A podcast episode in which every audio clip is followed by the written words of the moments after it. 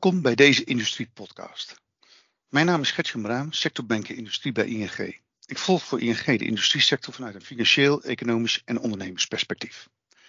In deze serie podcast ga ik met industriebedrijven in gesprek en op zoek naar de belangrijkste trends en ontwikkelingen in de subsectoren van de industrie, in specifieke eindmarkten en, in de, en de impact daarvan op businessmodellen van deze bedrijven.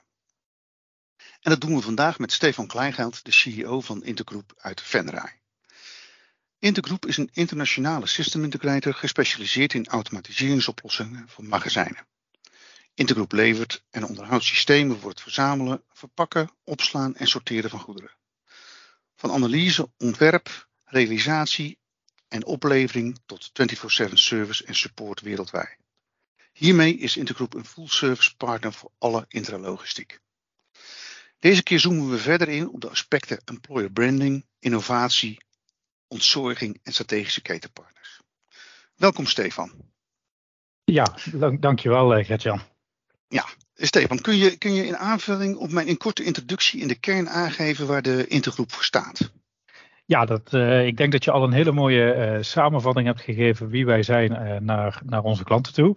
Maar een klein stukje verdieping erop is inderdaad denk ik wel op zijn plek. nou, Intergroep is, zoals al gezegd, een aanbieder van intralogistieke oplossingen. Alleen de kern die daarbij zit is echt dat wij die fijnmazige distributie daarbij centraal stellen. Dus alles waar de eenvoud uh, van één stuk voor een consument eigenlijk centraal komt te staan, komt de complexiteit bij het systeem.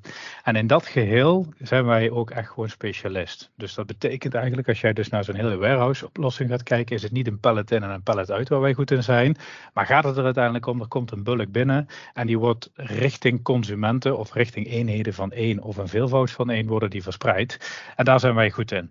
Uh, hoe hoog complexer het is, hoe uh, interessanter wij het dus vinden. Nou, dan moet je je bij voorstellen dat dat klanten zijn die wij daarin bedienen, zoals een Coolblue, een HEMA, een Estee Lauder en een Unifar. Um, en dat doen wij vanuit het hoofdkantoor uh, dat wij hier in Venray in Noord-Limburg gevestigd hebben. Um, maar dat doen wij niet alleen vanuit hier in, Nederland, dat doen wij eigenlijk over heel de wereld, ook vanuit China, de USA. En met een extended office in Venray met ruim 300 mensen. Oké, en als je, dankjewel die, voor, voor, voor die extra toelichting. En als je nu kijkt, hoe positioneert de Intergroep zich? En, en waar ligt jullie de focus voor jullie in de komende jaren?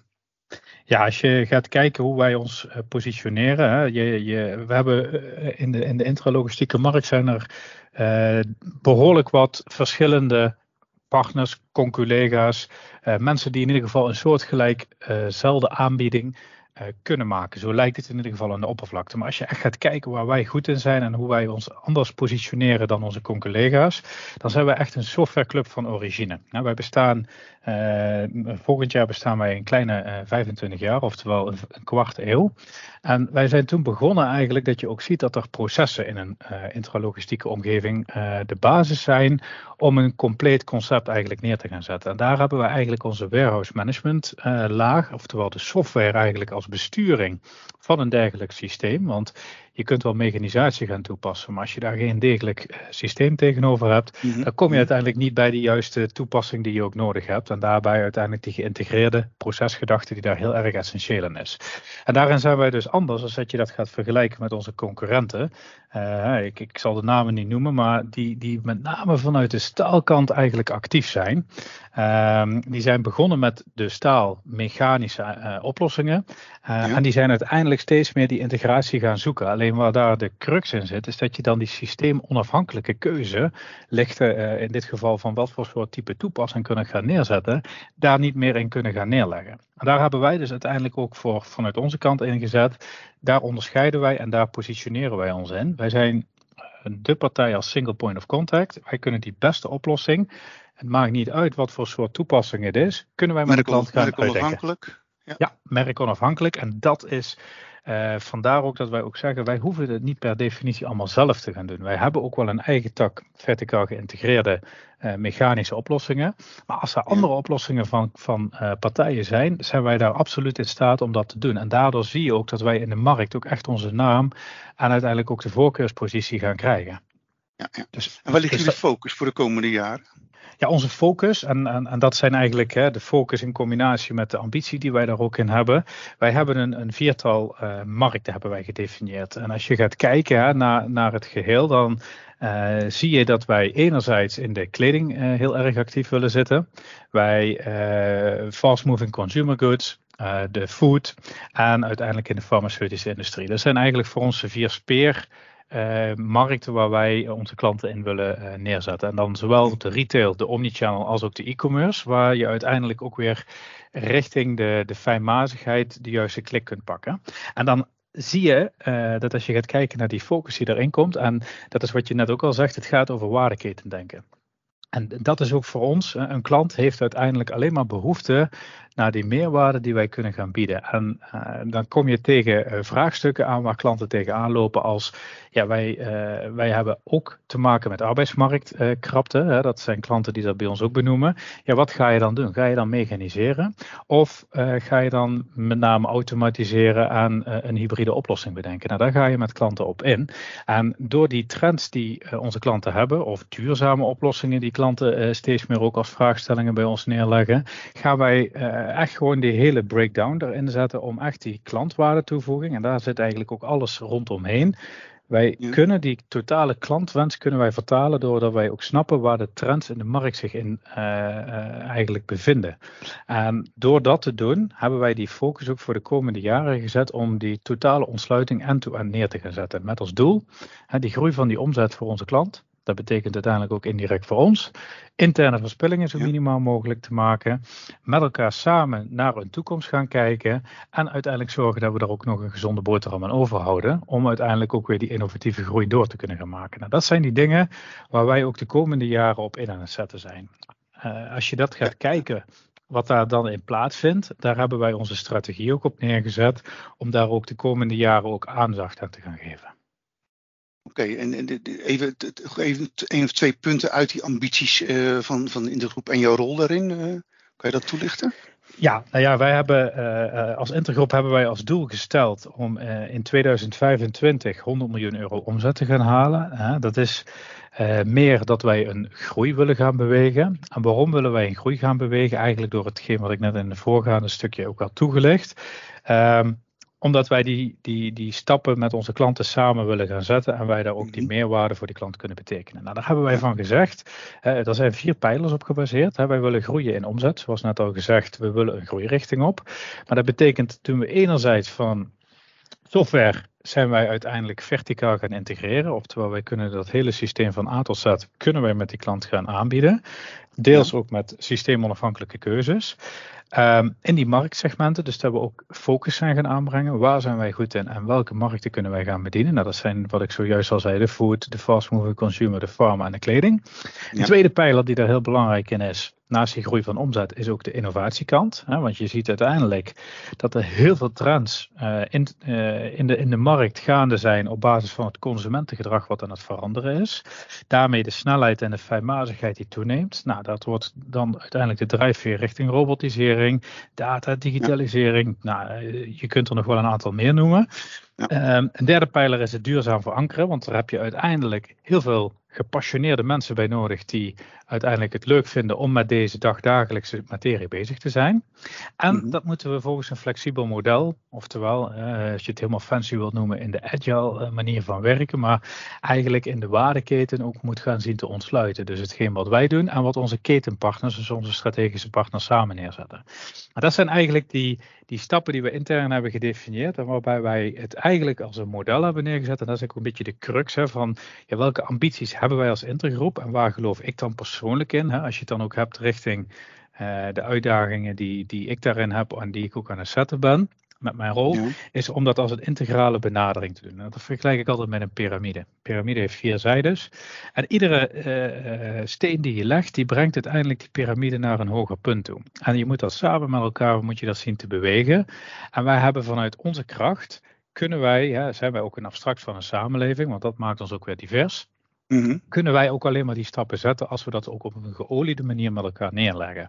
En dan moet je niet uiteindelijk hè, dat uh, met een groeirichting uh, de valkuil die je dan vaak krijgt is om, om, bureaucratisch te worden en dat je meer regeltjes en procedures zet, maar dan wil je uiteindelijk die snelheid en die flexibiliteit erin zetten. En dat is voor mij, vind ik, altijd de crux. Het is een organisatie die volop in beweging is en groei. En hoe kun je daarvoor gaan zorgen dat je voor die klant voorop blijft stellen dat zijn meerwaarde kan worden geborgd. En dat we dat op de juiste manier kunnen gaan uh, neerzetten. Voor de maximale toegevoegde waarde. Ja. Hey, laten we eventjes wat verder uh, ingaan op, op de topics die ik uh, net noemde, waar we eventjes, die we eventjes willen toelichten. De arbeidsmarktproblematiek. Hè. Het tekort aan mhm. personeel is sinds het laatste kwartaal vorig jaar de dubbelemmering nummer 1 in de industrie. Hè. Nog boven het tekort aan materiaal en componenten wat we de jaren daarvoor hadden. Ja. Uh, bedrijven moeten aantrekkelijker zijn uh, voor jong en ervaren talent. Uh, Intergroep heeft daar een uitgesproken HR-visie en strategie op. Um, zou je dat eens willen toelichten voor mij? Ja, ik ga dat zeker toelichten. Um, maar voor je dat, voordat ik daarmee begin, hè, natuurlijk, hè, die markt die, die is verhit op dit moment. En je ziet uiteindelijk dat ook wij daar uh, problemen aan ondervinden. Alleen wat, waar het dan weer uh, bij neerkomt, is hoe heb je dan jouw strategie en de stappen die je aan die strategie uh, gaat executeren, ook omdat je een bepaald groeiplan of een bepaalde ambitie hebt waar je naartoe wilt, neergezet. Nou, wij hebben dat gebaseerd op eigenlijk een thematiek, en dat is absoluut weer even in de fancy termen, die intern neergezet als de Fit for the Future. Hebben wij drie pijlers gedefinieerd. Een lerende organisatie willen wij zijn duurzame inzetbaarheid en een aantrekkelijke werkgever. En op alle drie die aspecten zijn wij ehm, vanuit onze kant zijn wij gewoon gaan denken, wat hebben wij daarbij nodig? Het mooie uh, aan ons als organisatie is, hè, wij bestaan bijna een kwart eeuw, maar onze gemiddelde leeftijd, en dat is ook wel een hele leuke, met 300 man, hebben wij het nog in, uh, voor elkaar gekregen om gemiddeld 30 jaar jong te zijn. En in, in dat geheel hebben wij dus ook uh, de succesfactor gezien in het feit dat jongeren uiteindelijk niet altijd uh, misschien met de juiste ervaring binnenkomen. Maar wij mhm. vinden het juist leuk vanuit het ondernemerschap, de vrijheid, de stappen te zetten, dat die uiteindelijk zichzelf kunnen gaan ontplooien. Maar om tot die jongeren te komen, moet je verschillende dingen in beweging gaan zetten aan de buitenkant. Dat mhm. betekent dat wij bijvoorbeeld uh, heel lucratief leuke verschillende hoofdsponsorschappen hebben bij lokale voetbalverenigingen. Uh, eh, VVV uh, eh, Balo bijvoorbeeld. wij zetten acties in om in de lokale community ook verschillende sponsoringen neer te zetten, reclamezuilen te, in ieder geval te beplakken. de grote ledmassen langs de A73, waar wij ook onze zichtlocatie hebben zitten. om daar echt ook gewoon die, die duidelijke kenmerken neer te zetten van wij zijn er. Daarnaast ook heel erg belangrijk om mensen daarin mee te gaan nemen en mensen te, uh, aan te trekken, heb je ook die enorme investering nodig richting de onderwijsinstellingen. Ja, Wij kunnen niet en wij willen niet zonder verschillende uh, jongeren die uiteindelijk weer nieuwe inzichten brengen, want dat brengt ons weer verder.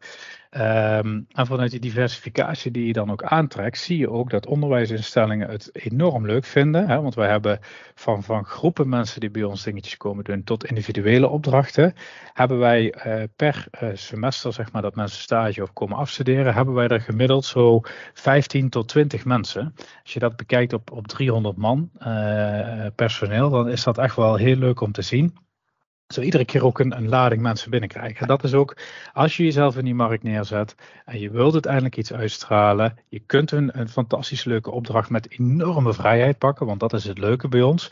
Je krijgt als afstudeerder of als stagiair, krijg je ook meteen die kans om meteen iets echt bij te dragen. En het is niet zo dat je in een bepaald afgekaderd hokje moet gaan zitten.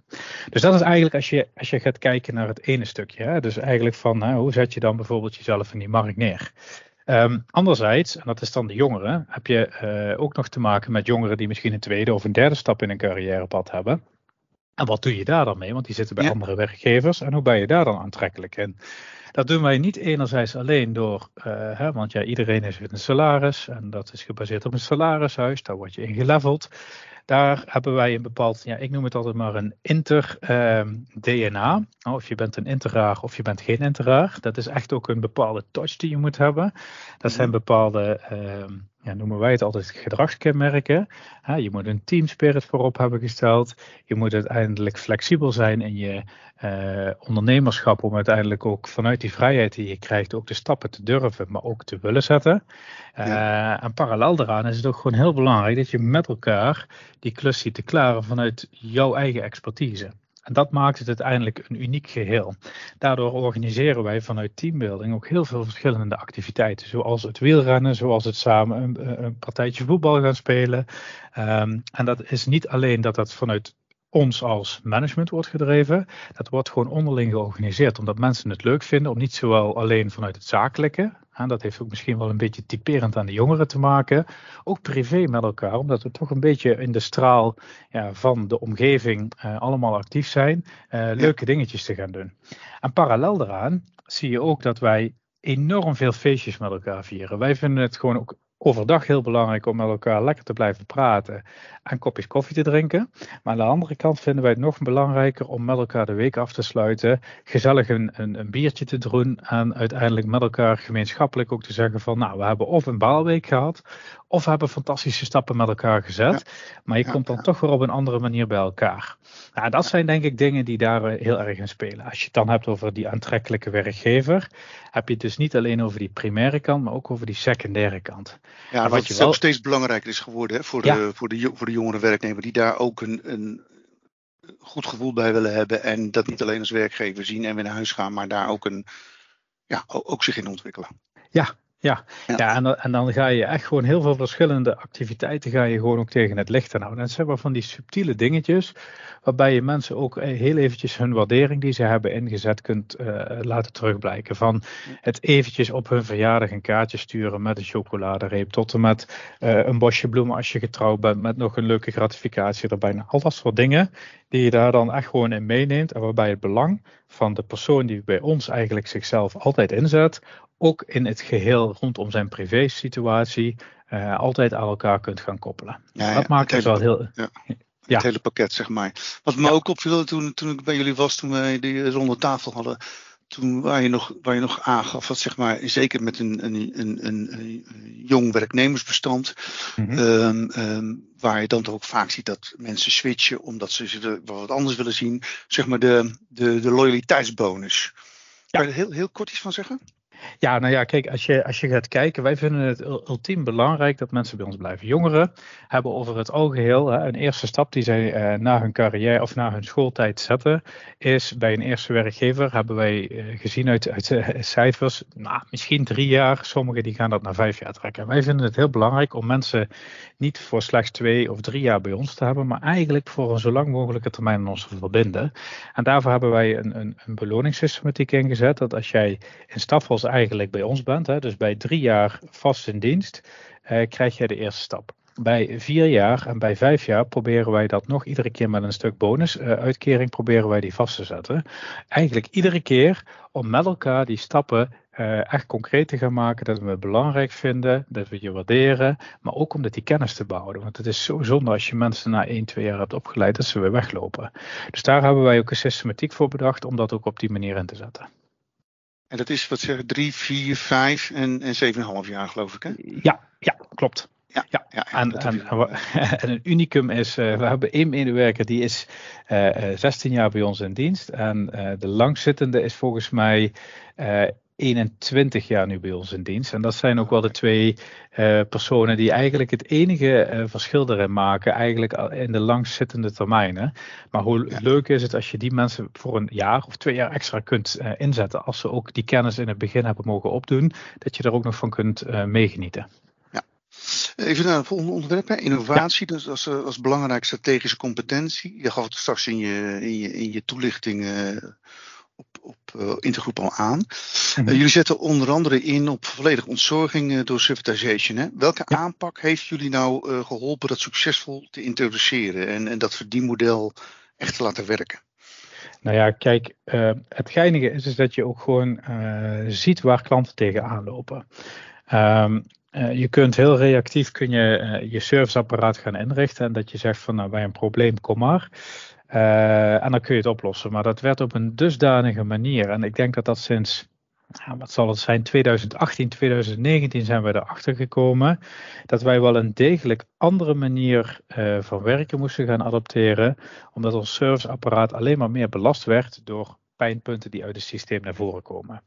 Mhm. Ehm, hoe moet je dat zien? Uh, klanten die, die, uh, die zetten bij ons een systeem in, uh, of een, een plaatsen een order en krijgen uiteindelijk een systeemoplossing. Alleen zo'n systeem, daar zijn zij eigenlijk als, ja, ik noem het altijd de aorta van je organisatie, zijn zij dusdanig van afhankelijk dat zij niet anders kunnen dan met ons eigenlijk die samenwerking aan te gaan. Nou, wij noemen dat een customer journey. Waarbij jij in het verkooptraject uiteindelijk nog eigenlijk met een klant alleen maar aan het kijken bent hoe kunnen we de beginfase uh, neerzetten. Je gaat uiteindelijk de executie doen richting realisatie om het project weg te zetten. Maar op het moment dat zij pas beginnen met hun operatie te starten, dus het systeem in mhm. gebruik te nemen, dan pas ga je zien Loopt dat goed? Hoe kan je met elkaar die samenwerking op gaan tuigen? En wat verwachten we naar elkaar toe? En wat je toen ook zag, is dat het heel essentieel is. Wij hebben kennis van onze materie in de vorm van de technieken die daar rondomheen spelen. Lees even onze warehouse management systeem wat we hebben gemaakt. Uh, onze mechanische oplossingen die wij weten hoe we die geïntegreerd hebben. Hoe de besturing PLC technisch, uh, hardware technisch moet gaan. Ehm, maar als je dan gaat kijken naar wat daar uh, aan ontstaat, is dat er een dusdanig uh, service level eigenlijk uitkwam. Dat we zeiden van ja, je kunt hier nog tien mensen tegenaan gaan zetten. Maar klanten willen uiteindelijk gewoon dat wij ze compleet gaan ontzorgen. Ze kunnen ook een eigen TD hebben, maar als je een eigen TD hebt, zit er een kans in, en dat zie je ook steeds meer bij onze klanten, eh, daar moeten ze op investeren, die moeten opgeleid blijven. En het is altijd maar de vraag, kunnen zij ook die kennis die wij in ons uh, hoofd hebben zitten, want dat is vaak vanuit een TD, is meer mechanisch gedreven, Precies. heeft het ook heel veel te maken ja, met software. En geen, core, geen, en geen core business, inderdaad. Ja. ja. Juist. En daar zit ook het verschil, en dat noemen wij OT, hè, dus die operations, hè, dus de, de, de hardware noemen wij het heel even visie, uh, die mensen eigenlijk voorheen hadden, oftewel denken in stijl, verandert meer naar het digitaal en meer naar het IT gedreven. Ja, tuurlijk, hardware blijft ook, maar dat is meer een ondergeschikte als dat proces aan de voorkant maar gewoon goed staat. Je weet hoe je erop moet gaan zitten, want je weet waar je wear and tear parts zitten. En daar kun je gewoon een heel model op gaan inzetten. Dus dat was voor ons het kantelpunt waar we ook zeiden Willen wij deze organisatorische groei door gaan zetten, dan moeten wij dus echt die, die, dat single point of contact zijn. En daarmee hebben wij dus een structuur eigenlijk opgezet als aanpak. Dat we ook hebben gezegd, je hebt een key account manager. Dus dat is eigenlijk een klantrelatie die jij in het begin binnenhaalt. Je gaat naar een project account manager. Dus dat is iemand die de hele projectrealisatie bij gaat, gaat uh, wonen. En je hebt een service account manager. En dat noemen wij een KAM, PAM, SAM. Als je het heel eventjes in de afkortingen mhm. pakt, model. Waarbij wij voor een klant eigenlijk met drie personen eigenlijk uh, voor hem in de organisatie zijn. En wij zorgen ervoor dat wij die klant compleet eigenlijk in hun hele proces begeleiden, ontzorgen en die stappen daarmee zetten. En wat je dan ook ziet, is doordat wij niet alleen het systeem neerzetten, Um, wij ook meteen aan de achterkant weten, oké, er komt data uit. Die data die kun je gaan analyseren. En wij snappen dat als jij 1 en 1 is 2 optelt, dat er uiteindelijk een, een actie moet worden ondernomen. En dat je dus kunt zien waar de kritische punten in hun proces zitten. En dat heet dan in de fancy term artificial intelligence, digital twinning. Nou, dat zijn ook allemaal dingen die wij dus ook in ons proces hebben geborgd vanaf het moment. En, en daarom trek ik hem ook heel eventjes iets verder vanuit een uh, iets hogere hoofdlijn op. Je ziet gewoon dat uh, klanten behoefte hebben om hun processen gewoon goed te begrijpen. Nou, daar hebben we dus in het acquisitietraject, in het verkoopproject, uh, hebben wij dus echt ook met een simulatieomgeving, hebben wij met die klant kunnen laten zien van nee, als je deze processen op deze manier wilt gaan doen, dan krijg jij deze bottlenecks uiteindelijk eruit als je met deze capaciteiten wil gaan werken. En dan ga je met zo'n klant ga je eigenlijk zo'n ja, uh, wij noemen het even een soort van brainstorm. Een, een, aantal denktanks ga je af totdat je een uiteindelijk concept hebt waarbij je samen iets hebt neergezet. Waarbij zij eigenaar zijn om uiteindelijk de inrichting van hun proces te gaan doen en de veranderingen die zij willen gaan neerzetten vanuit hun strategie. En wij kunnen de techniek er dan bij bedenken. En als je dat gewoon aan die designbasis gewoon goed hebt, kunnen wij dat in ons hele proces tot en met service, kunnen wij dat helemaal met data, met uh, predictive maintenance, kunnen wij precies voorzien waar de bottlenecks uitkomen. En doordat je die systematiek neerzet, kun je uiteindelijk ook die klant al uh, analyses vooruitgeven van hey, als jij als klant door die customer journey die we hebben opgedaan, uh, wij zien dat jij zoveel artikelen gaat toevoegen omdat jij deze omzetstijging wilt gaan hebben. Of jij wilt uh, dit stukje van je business wil je eruit gaan halen. Welke impact heeft dat dan? Dat we dus met die klant dus ook proactief aan de zijkant meekijken wat er in zijn processen gebeurt. En, dat, dat zijn ook betaalde services. Uh, dat zijn betaalde services. Ja, daar hebben wij verschillende gradaties in. Kijk, je kunt zeggen, we, we zijn heel reactief. We hebben gewoon een 24-7 hotline, die kun je bellen. Tot en met dat wij compleet uh, jouw hele systeem inclusief resident engineers, dus mensen die vanuit ons in dienst zijn bij een klant. Dus lees even bij bijvoorbeeld een HEMA. 24/7 het hele systeem onderhouden, proactief de analyses erop doen en ook met voorstellen komen om die capaciteit, want daar gaat het uiteindelijk om. Hè. We moeten weer op die vier business drivers die ik zojuist zei, groei van omzet, bruto marge, interne verspilling en toekomst met elkaar stappen gaan zetten. Ja, ja. Nou, heel helder, de, dank, dank zover. Um, als laatste nog even de, de, de strategische ketenpartners. Hè. We, we hebben de supply chain uh, heel veel uh, horen vallen de afgelopen jaren. Sinds mm -hmm. post-corona herstel staat die enorm onder druk. Tekort ja. aan grondstoffen, materialen, componenten zoals ik er straks al zei. enorm opgelopen levertijden en, en, en, en inkoopprijzen. Um, wat hebben jullie uh, als intergroep de afgelopen anderhalf, twee jaar, uh, welke stappen hebben jullie genomen om, om die uitdagingen te managen? Nou ja, kijk, als je, als je kijkt, ik geloof niet dat dat alleen de laatste jaren is. Um, wij, wij hebben vanuit onze kant hebben wij altijd in de, in de aanpak, uh, de tijd dat ik hier zit, hebben wij altijd gekozen om de stappen uh, neer te zetten vanuit onze kant, hoe wij naar de toekomst kijken en hoe wij voor onze klant toegevoegde waarde kunnen leveren. En daar ga je uiteindelijk de chunking in doen. Wat vinden wij dan waar een partner aan moet voldoen? Ja, hè, corona brengt uiteindelijk wel wat meer beweging en zie je uiteindelijk ook wel dat er bepaalde dingetjes nog niet goed lopen. Maar waar je voornamelijk uh, ook weer vanuit die integrale aanpak op uitkomt, is dat wij doordat wij die strategische ketenpartners, en dat hebben wij volgens de systematiek van QLTC gedaan, uh, daarbij uiteindelijk hè, de Q staat voor de quality, uh, de L staat voor de logistieke factoren.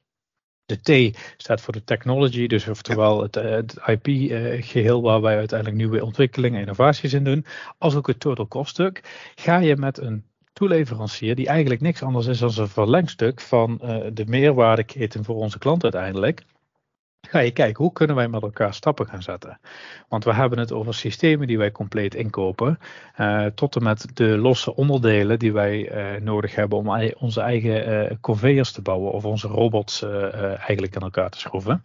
Ja. En op al die vlakken zijn wij dus continu aan het kijken geweest van wat heb je nodig. Dat is eigenlijk aan de voorkant. Als je dan gaat kijken, ja, wat heeft corona of wat heeft uh, de crisis in Oekraïne hieraan bijgedragen? Of wat, wat zie je daar dan in gebeuren? Want ja, er is wel behoorlijk wat druk op die keten gekomen. Uh, maar doordat je betrouwbare partners hebt, zijn zij ook bereidwillig geweest om met ons die verrassingen niet er naar binnen te schuiven van jongens, er is een probleem, eh, los het je maar op. Tuurlijk hebben we wel wat uitdagingen gehad, want dan moet je toch wel weer met je partners om tafel. Maar je bent, doordat je met elkaar die relatie hebt opgebouwd, doordat je met elkaar samen bent gaan kijken, hè, wederom ook weer op die vier business drivers, want dat doen we met onze klant, maar ook met onze leveranciers, kun je uiteindelijk snappen voor elkaar wat je nodig hebt. En dat je niet alleen nu met elkaar zaken moet gaan doen, maar ook maar met een langere termijn. En dan ben je ook met elkaar door schade en schande, noem ik het altijd maar heel eventjes wijs geworden. En weet je wel wat je aan elkaar hebt. Nou, en dan zijn er leveranciers die echt gewoon met je meedenken, die dan ook echt gewoon zeggen van, nou luister, uh, wij, wij hebben dit uh, als probleem. Maar wij zijn verschillende acties aan het zetten met conculega's om uiteindelijk toch jullie materiaalvoorziening te gaan krijgen. Of met de fabrikant waar zij hun onderdelen ja. uit uh, verstrekt gaan krijgen. Um, wat je dan ziet is dat je dan ook als keten wel echt moet gaan acteren. Oftewel, um, het voordeel is, is dat wij qua doorlooptijd van onze projecten best wel royaal uh, de tijd hebben. Op een bepaald aantal delen zitten we wel kritisch daarop, maar daar zit je eigenlijk al in het verkoopproces, zit je eigenlijk al uh, geïdentificeerd. Dit zijn de long lead time delen, nou daar weet je al van wat het moet zijn. Maar echt over die, die losse onderdelen, ja daar ga je uiteindelijk met je klanten gewoon, of met je leveranciers gewoon hele dedicated afspraken over maken. Maar als je het dan hebt over die crisis, uh, materiaal is niet beschikbaar, ja, klopt. Maar wij hebben er geen hinder van ondervonden. Want wij hebben gewoon echt optimaal uitgenut dat wij onze leveranciers niet verspillen, onze klant niet verspillen. En het toch eigenlijk allemaal binnen de, de maatwerkoplossing van de problematiek van heden ten dagen neerzetten. Een kort, concreet voorbeeldje daarbij. Uh, iedereen weet dat er in, in de industrie een chip uh, tekort is. Ja. Uh, zoals ook wij.